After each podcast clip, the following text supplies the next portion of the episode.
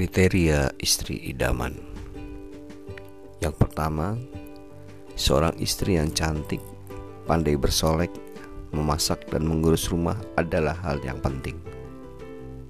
Yang kedua Seorang istri yang periang Bertenaga Dapat membuat kita tertawa dan menghibur di kala duka juga penting.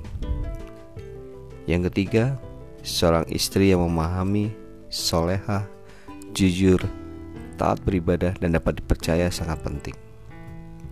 Yang keempat, seorang istri yang dapat memahami dan memuaskan Anda secara lahir batin dan di tempat tidur juga sangatlah penting.